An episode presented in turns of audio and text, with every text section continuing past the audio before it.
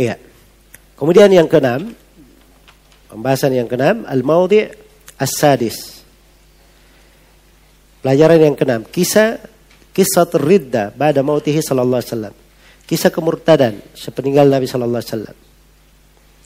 Iya. Kata beliau rahimahullah, al-maudi sadis kisah ridda ba'da mautihi sallallahu alaihi wasallam. Faman sami'aha thumma bakiya fi qalbihi mithqalu dharratin min syubhati syayatin alladhina yusammuna al-ulama. Ini Syekh di sini ingin membantah syubhat yang beliau katakan syubhat para syaitan. Syubhat para syaitan. Dan ini dimunculkan oleh orang-orang di masa beliau. Ya, dia mengaku dirinya ulama, dikenal oleh Orang-orang sebagai apa? Sebagai ulama. Nah, ini muskilah kita di masa ini ya. Definisi ulama itu gampang sekali. Hah?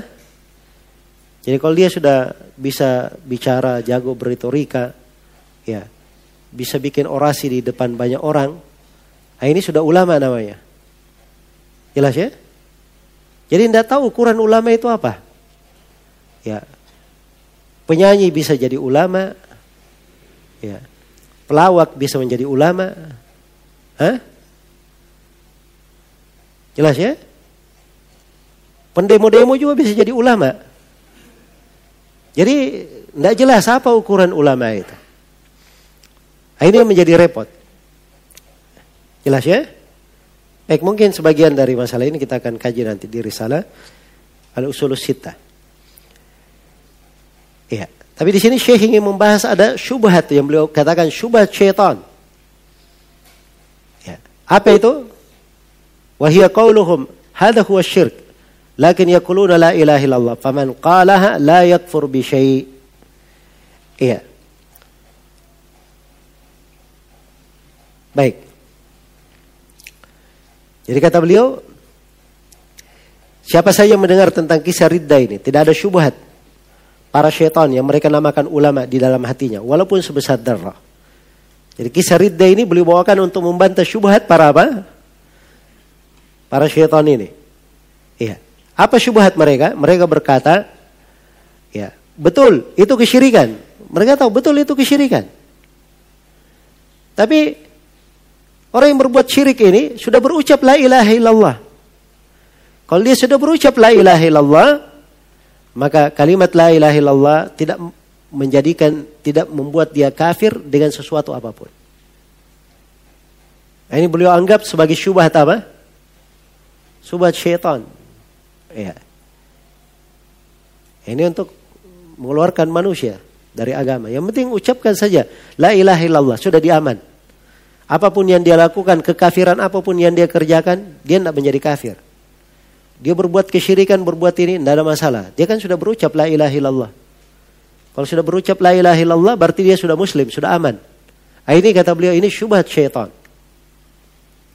Syubhat syaitan. Nah, bagaimana dijelaskan hal ini? Nah, ini beliau ingin terangkan tentang kisah apa? Kisah kemurtadan. Orang-orang yang murtad setelah sepeninggal Nabi Shallallahu Alaihi Wasallam. Walaupun di sebagian orang yang murtad itu ada yang murtad dan Nabi masih hidup ya. Di akhir masa hidup Nabi Shallallahu Alaihi Wasallam. Sebagaimana yang kita akan terangkan nanti. Baik, kata beliau rahimahullahu taala wa abamu min dzalika wa akbar dan yang lebih dahsyat dan lebih besar daripada itu. Nah, ini ada lebih besar rupanya. Ya. Apa itu? Tasrihukum bi annal bawadi laysa ma'akum minal islami sya'ra. Walakin yaquluna la ilaha illallah wa hum bihadhihi al-lafdha islam. Wa harrama al-islamu ma lahum wa damahum. Ma iqrarihim annahum tarakul islam kullah. Wa ma ilmihim bi inkarihimul ba'd. واستهزائهم بمن أقر به واستهزائهم بالشرائع وتفضيلهم دين آبائهم مخالفا لدين النبي صلى الله عليه وسلم. ما هذا كله يصرح هؤلاء الشياطين المردة الجهلة أن البدو إسلام. وجرى منهم ولو جرى منهم ذلك كله لأنهم يقولون لا إله إلا الله أيضا. Ini syubhat yang lebih dahsyat lagi, besar. Apa itu? Mereka katakan bahwa orang Badui Jadi mereka yang berkata, mereka tegaskan, orang Badui, maksudnya orang pedalaman itu, itu tidak ada keislaman mereka sehelai rambut apa pun. Jadi mereka tidak sholat, tidak puasa, tidak ada keislaman sama sekali. Mereka itu. Apa yang mereka lakukan? Mereka cuma berucap la ilaha illallah. Sehingga dengan ucapan la ilaha illallah ini mereka adalah umat Islam. Ya, sedangkan Islam telah mengharamkan harta dan darah mereka. Padahal orang Badu, padahal mereka mengakui bahwa kaum Badu itu meninggalkan Islam secara keseluruhan. Dan mereka mengetahui bahwa Badu itu mengingkari hari kebangkitan. Hari kebangkitan saja mereka ingkari. Iya. Mereka mengolok-olok siapa yang meyakini hari kebangkitan. Ya mengolok-olok dan lebih mengutamakan agama nenek moyang mereka menyelisih agama Nabi Shallallahu Alaihi Wasallam. Bersama dengan semua itu para syaitan durjana dan jahil itu menegaskan bahwa kaum Badui itu tadi itu memeluk Islam katanya. Alasannya apa? Iya. Katanya memeluk Islam walaupun seluruh pembatal keislaman tersebut berjalan di tengah mereka dengan alasan kaum Badui mengucapkan la ilaha illallah. Iya. Jelas ya? Ini syubhat mereka yang lebih besar. Ya, maka Syekh di sini mulai menjelaskan beberapa bantahan ya sebelum beliau masuk. Ya. Kata beliau rahimahullah, iya. Walazim qawlihim anna al-yahuda aslamu li'annahum yaqulunaha aidan. Li'annahum yaqulunaha. Wa aidan kufru haulai aghladu min kufri al-yahud bi adha'af mudha'afa. A'ni al-bawadi al-muttasifina bima dzakarna. Ya, jadi konsekuensi dari ucapan mereka ini bahwa orang Yahudi juga mau masuk Islam. Kan begitu. Yahudi kan mengatakan juga la ilaha illallah. Iya. Berarti orang-orang Yahudi apa? Masuk Islam. Iya. Nah. Ini konsekuensi ucapan mereka. Dan Syekh tegaskan bahwa kekafiran mereka, kekafiran orang-orang Badui yang disifatkan dengan sifat itu tadi, itu lebih dahsyat lebih besar berlipat ganda dari kekafiran orang-orang Yahudi. Tapi ingat ya dengan yang kami sifatkan itu tadi. Jadi badui yang tidak ada apa namanya? keislaman sama sekali kecuali la ilaha dia berucap la ilaha illallah, dia mengingkari hari kebangkitan, kemudian mengolok-olok hari kebangkitan mengolok-olok agama lebih dahulukan agama di moyangnya di atas agama Nabi. Ya. Ini belum muslim namanya. Jelas ya? Tapi ini ada orang yang berkata, kalau berucap la ilaha illallah, maka tidak bisa batal dengan apa pun sepanjang dia sudah berucap dengan la ilaha illallah. Ya. Perhatikan ya, syubhat syaitan ini. Ini pernah dengar yang seperti ini? Hah? Ya, bukan pernah ini banyak ya. Yang mengucapkannya. Sering seperti itu ketika ditegur hal-hal terkait dengan pokok agama, tauhid, kesyirikan yang merupakan syarat keislaman, ya. Ditanyakan, oh santai aja, kan dia kan berucap la ilaha illallah bersyahadat. Ya berarti dia apa? Dia muslim. Ya, maka di sini Syekh terangkan tentang kisah orang-orang yang murtad itu bagaimana? Kata beliau, "Walladhi yubayyinu dzalika min qissati ridda, anna al-murtaddina iftaraqu fi riddatihim." فمنهم من كذب النبي صلى الله عليه وسلم ورجعوا إلى عبادة الأوثان وقالوا لو كان نبيا ما مات ya kata beliau hal yang menjelaskan kisah kemurtadan tersebut adalah jadi dari kisah kemurtadan ini hal yang menjelaskan dari pelajaran di sini yang menjelaskan kebatilan syubhat di atas bahwa orang-orang yang murtad itu berbeda-beda bentuk kemurtadannya. Di antara mereka ada yang mendustakan Nabi Shallallahu Alaihi Wasallam, ya dan kembali menyembah kepada berhala. Kenapa? Mereka berkata, andai kata memang Nabi Muhammad itu nabi, dia pasti tidak mati. Karena itu dia murtad karena itu. Akhirnya kembali menyembah apa? Berhala. Wa minhum man thabata asyhadatain lakin aqarra bi nubuwati Musailama. Ada yang bersyahadat asyhadu an la ilaha illallah asyhadu anna Muhammadar Rasulullah. Cuma dia tambah lagi bahwa dia beriman juga dengan apa? Musailama. Jelas ya? Ini murtad juga. Perhatikan, murtad, bersyahadat. Tapi dia hanya menambah apa? Mengakui adanya Musailama sebagai nabi juga. Musailama ini dikenal sebagai Musailama al-Kadzab. Ya, Musailamanya orang Yamama ya. Dia mulai muncul di akhir masa Nabi Shallallahu Alaihi Wasallam. Iya. Akhirnya menjadi dikenal di tengah manusia sebagai al-kadzab, si pendusta. Nah, baik. Jadi orang yang mengakui kenabian Musailam, apa sebabnya? Dhannan anna Nabiya sallallahu alaihi wasallam asyrakahu fin nubuwah. Lianna Musailam ta'aqama syuhuda zurin syahadu lahu bidzalika fasaddaqahum katsirun minan nas. Ya, wa ma hadha ajma' ulama annahum murtaddun walau jahilu dzalika wa man syakka fi riddatihim fahuwa kafir. Ini kisah Musailama ini ya menakjubkan ya. Jadi orang yang mengakui syahadatain, dia bersyahadat asyhadu an la ilaha illallah, asyhadu anna muhammadar rasulullah. Terus dia beriman juga dengan kenabian Musailama. Itu ada syubhatnya. Kenapa dia beriman? Karena dia sangka bahwa Nabi Shallallahu Alaihi Wasallam, iya, mempersyarikatkan Musailama dalam kenabian. Dan Musailama, iya, menegakkan beberapa saksi palsu orang berdiri bersaksi. Saya bersaksi. Nabi Muhammad berkata Musailama adalah Nabi. Iya.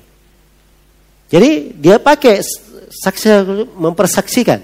Akhirnya banyak dibenarkan oleh manusia, dipercaya oleh banyak orang. Ya. Ini kan syubhat ya. Tapi bersamaan dengan itu, para ulama semuanya sepakat. Siapa yang mengakui kenabian Musailama, maka itu dianggap kafir, keluar dari Islam, dianggap murtad, walaupun dia jahil tentang hal itu. Dan siapa yang ragu, orang yang ragu saja terhadap kemurtadannya, itu dianggap apa? Dianggap kafir. Baik. Ini satu ya. Kemudian yang kedua. Kata Ibn Faida arafta. Anna ulama ajamau ala anna alladhina فإذا عرفت أن العلماء أجمعوا أن الذين كذبوا ورجعوا إلى عبادة الأوثان وشتموا رسول الله صلى الله عليه وسلم هم ومن أقر بنبوة مسيلمة في حال واحدة ولو ثبت على الإسلام كله Iya. Kata beliau, apabila engkau telah mengetahui bahwa para ulama bersepakat bahwa orang-orang yang mendustakan Nabi Shallallahu Alaihi Wasallam dan kembali menyembah berhala serta mencela Rasulullah Shallallahu Alaihi Wasallam, walaupun di antara mereka ada yang mencukupi uh, di, di antara mereka ada yang mengakui kenabian Musailama. Ya. Baik. Jadi para ulama sepakat ya siapa yang mendustakan dan kembali beribadah kepada berhala, mencerca Nabi. Iya. Mencerca Nabi Shallallahu alaihi wasallam. Baik. Bahwa mereka ini yang seperti ini ya. Yang murtad versi pertama dan orang yang mengakui kenabian Musailama itu hukumnya sama. Keadaannya sama, dihukumi sebagai seorang yang murtad. Walau thabata alal islami kullihi, walaupun dia tetap di atas keislaman seluruhnya. Nah, itu terjemahnya ada hal-hal yang apa namanya perlu diperbaiki ya. Mungkin banyak yang salah tulis di situ. Wa man aqarra bisyahadataini. Nah, ini sekarang beliau terangkan lagi. Ya, tentang kemurtadan yang lain. Di antara mereka ada yang mengakui dua syahadat. Wasaddaqa Tulaihata fi da'wan nubuwah dan dia benarkan Tulaiha yang mengaku nabi. Tulaiha ini ini namanya Tulaiha ibnu Khuwailid al-Asadi. Ya, ini bukan saudara laki-lakinya Khadijah ya. Sama nama ayahnya, tapi beda, beda, beda orangnya. Ya. Beda orangnya. Tulaiha ini tadinya beliau apa namanya mengaku nabi. Ya disebutkan dari alasannya dia bersama kaumnya Bani Asab masuk Islam. Kemudian terjadi sesuatu di kaumnya mungkin terkait dengan harta. Akhirnya dia mengaku dirinya nabi. Iya. Tapi setelah itu Tulaiha ini dia bertobat, dia kembali masuk ke dalam Islam lagi. Masuk ke dalam Islam lagi dan bagus keislamannya bagus keislamannya. Sampai akhirnya beliau menghadiri beberapa peperangan. Beberapa peperangan. Dan beliau meninggal di sebuah peperangan di Nahawan. Sebagai mati syahid. Ya, Tulaiha radhiyallahu taala anhu. Ya, ini Tulaiha contoh ya sebagai sahabat. Ya, dia sahabat Nabi. Murtad, tapi dia masuk lagi kepada Islam, maka kesahabatannya kembali lagi sebab dia pernah berjumpa dengan Nabi. Iya. Jelas ya? Dan beliau meninggal di atas apa? Di atas keislaman. Ada seperti itu yang mengakui syahadatain, tapi dia benarkan tuleha. Ini dianggap apa namanya? Murtad juga. Wa minhum man saddaqal ansi, sahibu sana. Sahiba sana. Ada yang membenarkan al-ansi. Ya, ini disebut al-aswad ya. Al-aswad al-ansi. Ya, al-aswad itu namanya, apa namanya? Uh, karena dia katanya ada kehitaman di wajahnya. Iya. Dia gelar. Ini ini Al-Aswad Al-Ansi ini mengaku Nabi itu di akhir masa hidup Nabi Shallallahu Alaihi Wasallam. Dan berita katanya matinya Al-Aswad Al-Ansi ini terbunuh itu sampai kepada Nabi sehari sebelum beliau meninggal. Sehari sebelum meninggal. Ada yang menyebutkan begitu dalam buku-buku sirah. Jelas ini Al-Aswad Al-Ansi bikin masalah di Yaman. Ya, sampai dia berhasil menguasai wilayah di Sona. Ya, Mu'ad bin Jabal radhiyallahu taala sampai ke mana begitu. Maka Nabi sallallahu alaihi wasallam mengutus utusan ke Sona. Ya. Bukan mengutus pasukan, tapi mengutus utusan ke pemuka-pemuka kaum muslimin yang berada di mana? Di Yaman. Ya, sehingga berangkatlah empat orang untuk mendatangi istana Al-Aswad Al-Ansi ini kemudian membunuhnya secara senyap. Iya.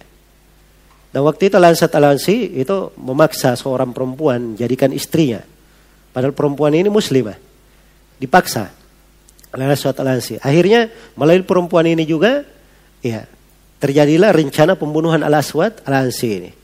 Sampai dia dipung, di, dibunuh secara senyap, dipenggal lehernya, kemudian di pagi harinya dikatakan kepada anak buahnya inilah apa namanya nabi kalian. Dan diketahuilah dia pendusta. Ya. Maka pengikutnya pun kabur dan orang-orang apa namanya banyak yang kembali kepada keislaman. Ini kisah Al-Aswad Al-Ansi. Nah, kata beliau, wa kullu haula'i ajmal ulama annahum sawa. Ya. Seluruh itu, seluruh mereka ini semuanya para ulama sepakat bahwa mereka itu sama. Ya. Bahwa mereka itu apa? Orang-orang sama dianggap sebagai orang yang murtad. Wa minhum man kadzdzaba an-nabiyya wa raja'a ila ibadat al-awthan ala halin wahida. Wa minhum anwa'un ukhar. Di antara mereka ada yang mendustakan Nabi dan kembali kepada peribadatan kepada berhala di atas satu keadaan. Iya. Dan ada keadaan-keadaan yang lain. Ada bentuk-bentuk yang lain. Jadi bentuk-bentuk yang murtad ini itu banyak ya bentuknya. Ya, kemudian kata beliau wa minhum al-fuja'atus sulami dan di antaranya ada yang namanya al-fuja'a as-sulami. Iya. Ini al-fuja'a as-sulami ini ini juga dari kisah di dalam sirah disebutkan ya tapi di dalam pembahasannya perlu diperiksa dari sisi ke keabsahan sanatnya sebab tidak ada sanat yang kuat tentang hal ini. Iya. Karena ini kisah Pujatul As-Sulam ini, ini dijadikan oleh orang-orang Syiah Rafidah sebagai bahan untuk mencela Abu Bakar As-Siddiq radhiyallahu an. Katanya Abu Bakar As-Siddiq membakar manusia. Iya. Membakar manusia. Syekhul Islam membantah syubhatnya Rafidah itu dengan bantahan global. Ya, kenapa Abu Bakar yang dipermasalahkan? Ali bin Abi Thalib membakar apa namanya? Abdullah bin Sabah uh, pengikut Abdullah bin Sabah Yahudi ya dibakar oleh api, diingkari oleh para sahabat. Ya kenapa mereka diam akan hal tersebut? Ya, ini karena alasannya untuk Ali bin Abi Thalib belum sampai kepada beliau larangan tentang hal itu. Iya, jelas ya. Abu Bakar Siddiq juga mungkin sama seperti itu, belum sampai kepada beliau larangan tentang hal tersebut. Ya, yang jelas tentang hukum membakar manusia itu itu diterangkan di dalam pembahasan fikih ya bahwa yang benarnya tidak boleh membakar memberi siksa dengan dibakar. Kecuali di satu kondisi pada bentuk kisos. Ada orang yang mati karena dia dibakar, maka kalau dikisos dengan cara dibakar orang yang membakarnya itu dibolehkan di dalam pembahasan fikih. Baik.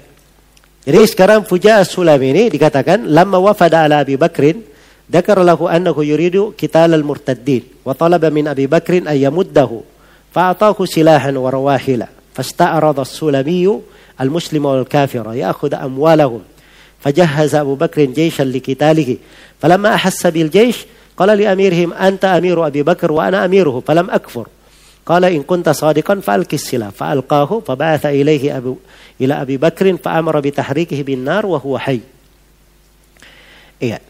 Jadi yang paling terakhir adalah Al-Fuja As-Sulami. Tatkala dia datang kepada Abu Bakar dan dia menyebutkan kepada Abu Bakar bahwa dia hendak memerangi kaum murtad. Dia meminta kepada Abu Bakar agar diberi bantuan. Diberi senjata. Iya. Maka diberi senjata dan apa? Uh, maka Abu Bakar pun memberi kepada As-Sulami ini persenjataan dan tunggangan-tunggangan. Namun ternyata As-Sulami menghadap muslim dan kafir. Dia tidak memerangi murtad saya, muslim dan kafir dia sikat semuanya, diambil harta-harta mereka. Maka Abu Bakar menyiapkan pasukan untuk memeranginya. Ternyata Sulami merasakan kekalahan oleh begitu uh, Sulami sudah merasakan dekatnya kekalahan oleh pasukan Abu Bakar. Dia berkata kepada pimpinan pasukannya Abu Bakar, engkau adalah pimpinan dari Abu Bakar. Dan aku juga adalah pimpinan dari Abu Bakar. Dan saya tidak kafir. Maka pimpinan dari pasukan Abu Bakar berkata, jika engkau jujur lemparkan senjatamu. Maka Sulami melemparkan senjatanya. Kemudian dia pun ditangkap, dikirim kemana? Ke Abu Bakar. Lalu Abu Bakar memerintah untuk membakarinya dengan api dalam keadaan hidup. Nah, ini kisah Al-Fuja apa? As-Sulami. Kata Syekh, فَإِذَا كَانَ هَذَا حُكْمَ الصَّحَابَةِ في هذا الرجل مع إقراره بأركان الإسلام الخمسة فما ظنك بمن لم يكر من الإسلام بكلمة واحدة إلا يقول لا إله إلا الله بلسانه مع تصريحه بتكذيب معناها وتصريحه بالبراءة من دين محمد صلى الله عليه وسلم ومن كتاب الله تعالى Iya. Apabila demikian hukum para sahabat terhadap orang tersebut, padahal dia mengakui lima rukun Islam, Bagaimana sangkamu terhadap orang yang tidak pernah mengakui satu kalimat keislaman pun kecuali berucap apa? Syahadat la ilaha illallah dengan lisannya. Dan dia menegaskan, mendustakan makna la ilaha illallah itu. Dia juga menegaskan berlepas diri dari agama Nabi Muhammad SAW, berlepas diri dari Al-Quran, kitab Allah. Ya. Apa mereka katakan? Hada dinul khadir wa dinu abaina. Inilah agama khadir. Agama Al-Khadir, Nabi Khadir katanya. Dan agama ayah-ayah kami. Ini sampai sekarang ini selalu seperti itu di kalangan orang awam. Itu dari kecil itu di mana-mana itu sering disebut tentang Nabi Khadir, Nabi Khadir. Ya orang-orang awam seperti itu. Ya bahkan ada yang pergi haji, pergi haji untuk ketemu Nabi Khadir katanya. Nah, bagaimana caranya ketemu Nabi Khadir di haji? Ya, salami saya kalau keluar dari masjid salami saja. Kalau ada orang yang apa namanya lembek tangannya tidak bertulang, nah itulah Nabi Khadir. Ya. Itu ada dari dulu ya, saya sudah dengar itu dari kecil. Ada orang-orang yang cerita seperti itu. Nah, baik. Jadi kata beliau, wa yakunu hadha dinul khadir wa dinu abaina. Iya, wa dinu abaina dan agama ayah-ayah kami. Iya. Kata Kata beliau, "Thumma yuftuna haula'il maradatal juhal anna haula'i muslimun." Ya. Jadi berkata ini agama Khadir dan agama nenek moyang kami. Kemudian para durjana syaitan yang jahil ini memberi fatwa kepada mereka bahwa mereka adalah apa? Mereka orang Badui itu muslimun. Wala sarrahu bidzalika kullihi. Walaupun mereka menegaskan pembatal keislaman seluruhnya itu. Yang penting idza qalu la ilaha illallah. Yang penting mereka berucap apa? La ilaha illallah. Kata beliau subhanaka hadza buhtanun azim. Maha suci engkau ya Allah. Ini adalah kedustaan yang sangat besar. Kemudian beliau tutup kata beliau wa ma ahsana ma qalahu wahidun minal bada minal bawadi lamma qadima alaina wa sami'a syai'an minal islam. Anna kuffar yani huwa wa jami'ul bawadi wa asyhadu anna al-mutawwi alladhi yusammina ahlal islam annahu kafir. Jadi ada katanya seorang badui tatkala datang kepada Syekh dia hadir di majelis Syekh mendengar tentang Islam, tentang tauhid. Ini mungkin sebagian ya dari buku-buku yang kita baca. didengarkan. Begitu dia tahu tauhid, maka Badui ini berkata, saya bersaksi bahwa kami dulunya kafir. Maksudnya dia dan seluruh apa? Orang-orang Badui yang semisal dengannya. Dan saya bersaksi bahwa si Mutawwi, Mutawwi ini bahasa orang yang pandai agama ya. Iya. Ini sampai sekarang dipakai di bahasa amianya orang-orang di timur setengah sana. Kalau dia misalnya rajin ke masjid, rajin sholat, rajin baca Al-Quran, itu dibilang mutawwi. Jelas ya? Jadi berkata saya bersaksi si mutawwi yang dipandang berpengetahuan ini, ya, yang mengandang, yang mengatakan kami ini Muslim, saya bersaksi bahwa dia ini adalah kafir. Ya, kata si Badu ini. Jadi Badu ini akhirnya mengerti apa itu tauhid. Jelas ya? Mengerti apa itu tauhid? Nah, inilah pentingnya seorang mengenal tentang tauhid tersebut. Iya. Jadi risalah ini luar biasa ya dari Syekh rahimahullah taala. Beliau menjelaskan bagaimana pelajaran-pelajaran tauhid yang terkandung dalamnya. Ada enam masail di dalam pembahasan ini. Yang pertama ad-dars min kissatir riddah. Iya. Yang pertama pelajaran dari kisah riddah. Iya. Ini asyayatin kenapa bisa di atas itu? Syayatinnya itu di bawah ya, di poin kedua. Syubhatus syayatin alladzina yakuluna. Ya. Yang kedua, syubhat para syaitan yang berkata la ilaha illallah la yakfur bi syai. Syubhat para syaitan yang berkata siapa saja yang mengucapkan la ilaha illallah dia tidak kafir dengan suatu apa pun. Ini sudah dijelaskan ya. Yang ketiga lazim qawlihim min hadhihi. Konsekuensi ucapan mereka dengan syubhat ini. Jadi konsekuensi mereka kalau mengajarkan seperti itu, berarti orang Yahudi juga apa? Hah? Muslim berarti kan? Iya. Itu di antara konsekuensinya dan banyak konsekuensi rusak di belakang hal tersebut. Kemudian yang keempat, Aradu ala hadhihi syubha min kisati ridda. Bantahan terhadap syubhat ini dari kisah ridda, kemurtadan. Ini kelihatan orang yang murtad itu banyak bentuknya. Ada yang murtad, ya, dia bersyahadat la ilaha illallah Muhammad Rasulullah. Ada yang murtad, dia malah mengakukan seluruh dari rukun Islam. Iya. Sholat, puasa, dan seterusnya. Jelas ya? Tapi bersamaan dengan itu sama dihukumi murtad. Terus yang kelima dikru adadin minal murtadin. Penyebutan sejumlah orang yang murtad. Sudah disebutkan ada berapa tadi? Contoh? Hah? Ada Musailama. Terus? Hah? ada Tulaiha Ibnu Khuwailid. Terus ada Fuja'ah, ada Aswad Al-Ansi. Kemudian Fuja'ah As-Sulami. Ini contoh ya. Ya. Baik. Kemudian yang keenam pahmul badui alladhi araf al-Islam. Tentang pemahaman badui yang mengerti Islam. Jadi orang awam dari muwahhidin itu kalau dia sudah belajar, sudah kenal tauhid, itu dia bisa kenal subuhatnya kaum musyrikin. Iya. Akan datang nanti ya di Kashfus Syubhat. Ya penulis berkata bahwa orang awam, satu orang dari awam, dari muwahhidin, itu bisa mengalahkan seribu dari ulama kaum musyrikin. Iya. Karena hujah-hujah tauhid itu kuat. Hujah-hujah tauhid itu kuat dan sangat jelas sekali. Baik.